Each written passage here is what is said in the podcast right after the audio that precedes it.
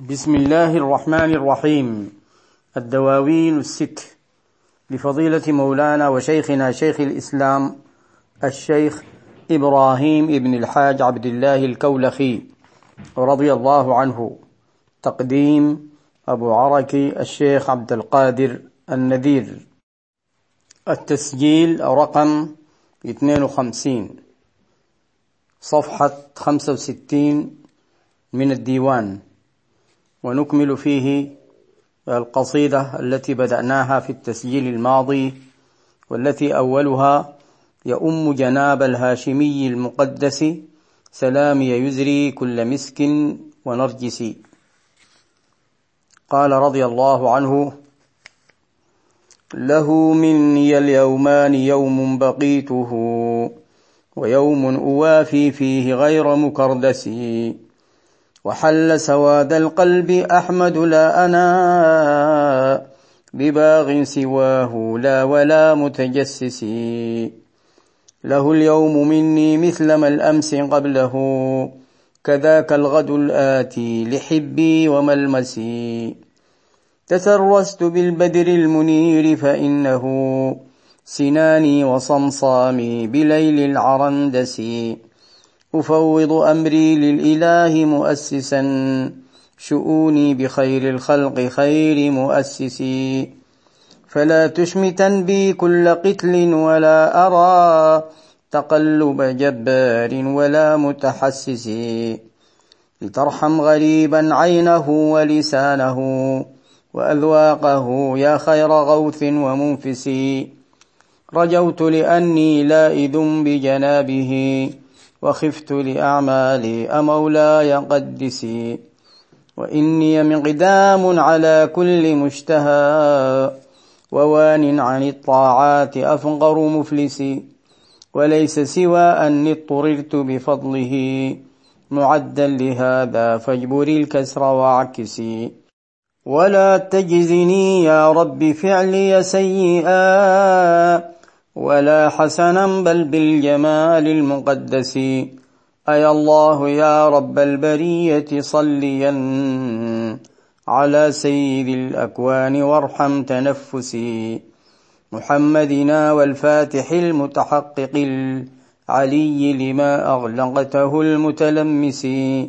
وهو خاتم الرسل أتوا سبقوا له. وناصر ذاك الحق بالحق مقبسي.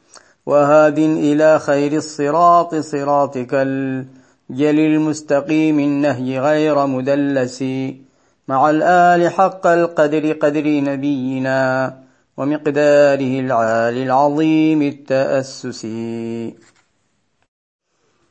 أقول مستعينا بالله سبحانه وتعالى مستمدا من أبوابه.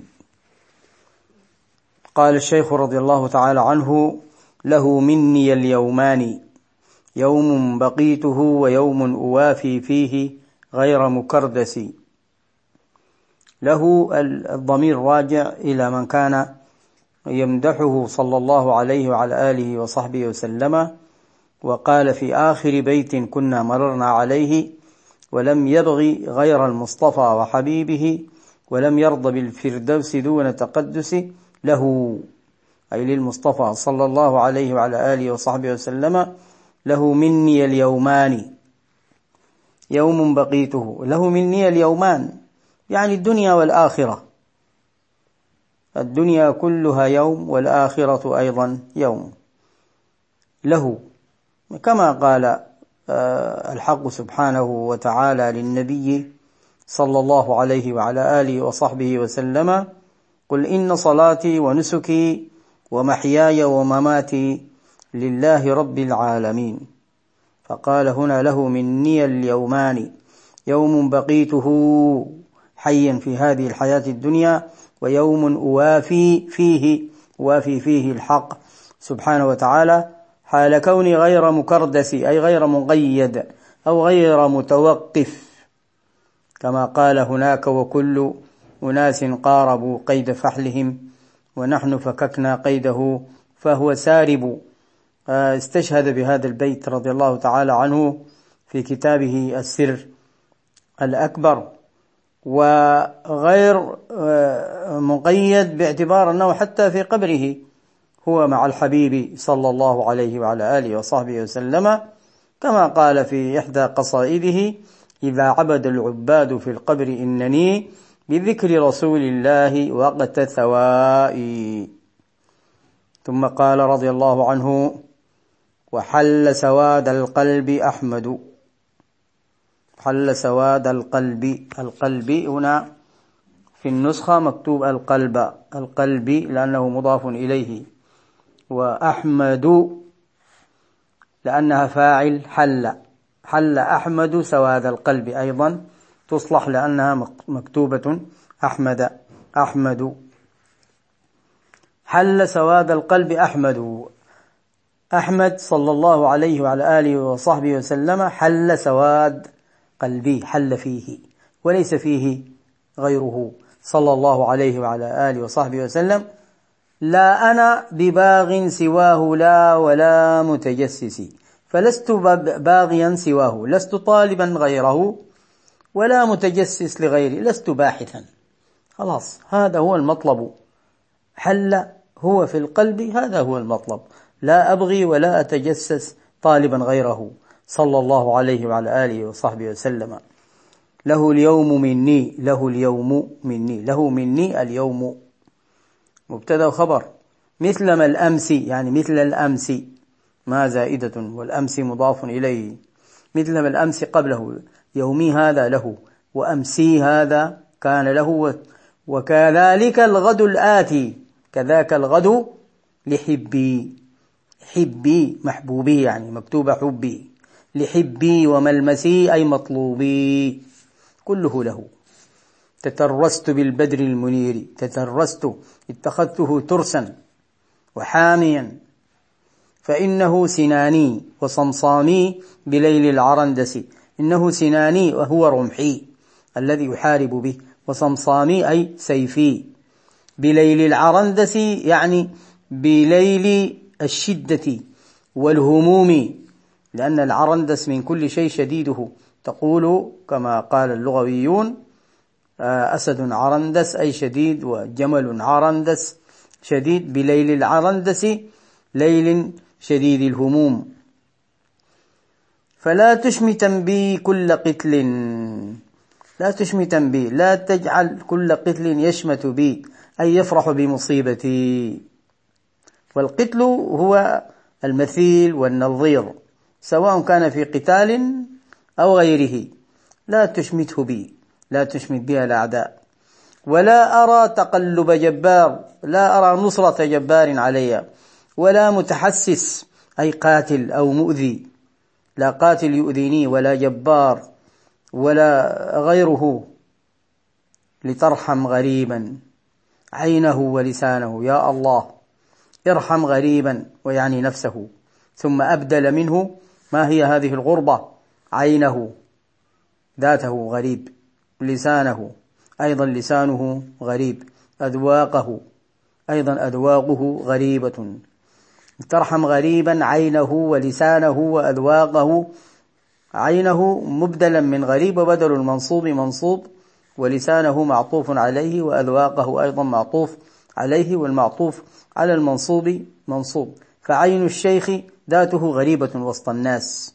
لسانه غريب أيضا. ليس هناك لسان يشبه لسانه وكلامه وأذواقه أيضا غريبة. لترحمه يا خير غوث ومنفس. يا رسول الله يا خير غوث مغيث. ويا خير منفس أي منفس. منفس للكرب مفرج للهم. ويمكن أن تكون يا خير غوث منفس. رجوت لأني لائذ بجنابه وخفت لأعمالي مولاي قدسي ذكر الخوف والرجاء. رجوت وخفت يعني هو بين الخوف والرجاء. رجوت لأني لائذ بجنابه ومن يلوذ بجنابه يرجو وخفت لأنه نظر إلى أعماله والذي ينظر إلى أعماله أيضا يخاف. أمولاي يعني يا مولاي قدسي أي طهرني وإني مقدام على كل مشتهى ووان عن الطاعات أفقر مفلسي مكتوبة هنا أفقر أفقر يعني يمكن أن تقول حال كوني أفقر مفلسي ولكنها معطوفة على ما مضى. إني مقدام وان أفقر مفلسي. إني مقدام أي كثير الإقدام على كل مشتهى يعني من المشتهى الجائز حتى الشهوات الجائزة أنا مقدام عليها. ووان عن الطاعات كسول ومتأخر عن الطاعات يعني مقدام ووان متأخر عن الطاعات. أفقر مفلسي. أنا مفلس بل أفقر المفلسين. وهذا كله إظهارا للعبودية وتواضعا من الشيخ رضي الله تعالى عنه ونظرا لحقيقة المولى سبحانه وتعالى وحقيقة حضرة الحبيب صلى الله عليه وعلى آله وصحبه وسلم وحقيقة الكمال الذي لا يستطيعه إنسان هو يقول ذلك وإلا فقد ذكرنا قبل ذلك أنه قال كثيرا مما يعني شكر الله عز وجل به وأظهر نعمته عليه مثل قوله الحمد لله نشأت طاهرا ما قلت فخرا بل نطقت شاكرا ما قط جالست سفيها ولا ما أصحب سوى فحول قوم علماء ثم قال وليس سوى أني اضطررت بفضله معدا لهذا فاجبر الكسر واعكسي. ليس عندي شيء سوى أنني اضطررت بفضل الله عز وجل أن أكون معدا لهذا. معدا لهذا المقام ومعدا كذلك لمدحه صلى الله عليه وعلى آله وصحبه وسلم. ولولا فضل الله لما ظهر ذلك. لكن حالي أعرفه وهو ما حكيته. فاجبر الكسر واعكسي فاجبر الكسر هذا واعكس ما ذكرته. مثلا لما قال وإني مقدام على كل مشتهى اعكس ذلك حتى لا أكون مقداما على المشتهيات. ووان عن الطاعات اعكس ذلك حتى أكون مبادرا للطاعات كذلك. أفقر مفلس في العبادات وفي التوجه إليك اجعلني أغنى إنسان متوجه إليك في هذه الأمور. ولا تجزني يا رب فعلي سيئا ولا حسنا بل بالجمال المقدس وهذا ما البيت الذي أشرنا إليه في الحلقة الماضية. لا أريد جزاء معينا جزاء الطاعة بالحسنة ولا جزاء المعصية والسيئة كذلك بمقابلها من من عذاب من العذاب وكذا أو المغفرة. بل اجزني بالجمال بالجمال المقدس جمال الحق ورؤية الحق سبحانه وتعالى وجمال الحبيب. صلى الله عليه وعلى آله وصحبه وسلم وفضله صلى الله عليه وعلى آله وصحبه وسلم وهو كما قلنا هذا جزاء متفوق حتى على الجنان ومتفوق على الفراديس العليا. أي الله يا رب البرية صليا على سيد الأكوان وارحم تنفسي. أي الله ينادي المولى عز وجل أن يصلي على النبي صلى الله عليه وسلم سيد الأكوان وهو سيد الأكوان. وارحم تنفسي أي ما أعانيه من ضيق. محمدنا والفاتح المتحقق العلي لما أغلقته المتلمس وهو خاتم الرسل أتوا سبقوا له وناصر ذاك الحق بالحق مقبس.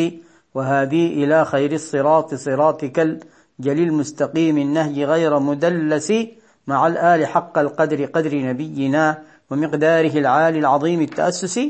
وهنا ظاهر أن الشيخ رضي الله تعالى عنه عكا يعني عقد هذه الأبيات يشير بها إلى صلاة الفاتح لما أغلق المعلومة عند الإخوان والمعلومة عند الخاص والعام. محمدنا محمدنا سيد الأكوان. هذه بدل منها هو سيد الأكوان محمدنا صلى الله عليه وسلم. والفاتح لما أغلق يعني. المتحقق العلي لما أغلقته. فاتح لما أغلق من الأكوان وفاتح لما أغلق من من القلوب التي أغلقها الشكر الشرك. فآمنت المتلمس الطالب المتوجه إلى الحق سبحانه وتعالى توجها لم يتوجه لم يتوجه أحد. صلى الله عليه وعلى آله وصحبه وسلم أو المتلمس الذي هو مطلوب نفسه صلى الله عليه وعلى آله وصحبه وسلم. وهو خاتم الرسل والخاتم لما سبق. أتوا سبقوا له وناصر ذاك الحق ناصر الحق بالحق. مقبسي مقبسي أي نوري موضع نوري وموضع آه ومأخذ آه علمي ومأخذ مددي. صلى الله عليه وعلى آله وصحبه وسلم وهاد إلى خير الصراط. وإنك لتهدي إلى صراط مستقيم. صراطك الجلي الواضح المستقيم. مستقيم النهج نهج مستقيم. غير مدلس حال كونه غير مدلس وغير خفي. مع الآل حق القدر قدر نبينا ومقداره العالي العظيم التأسس. صلى الله عليه وعلى آله وصحبه وسلم. والله أعلم ونواصل إن شاء الله تعالى.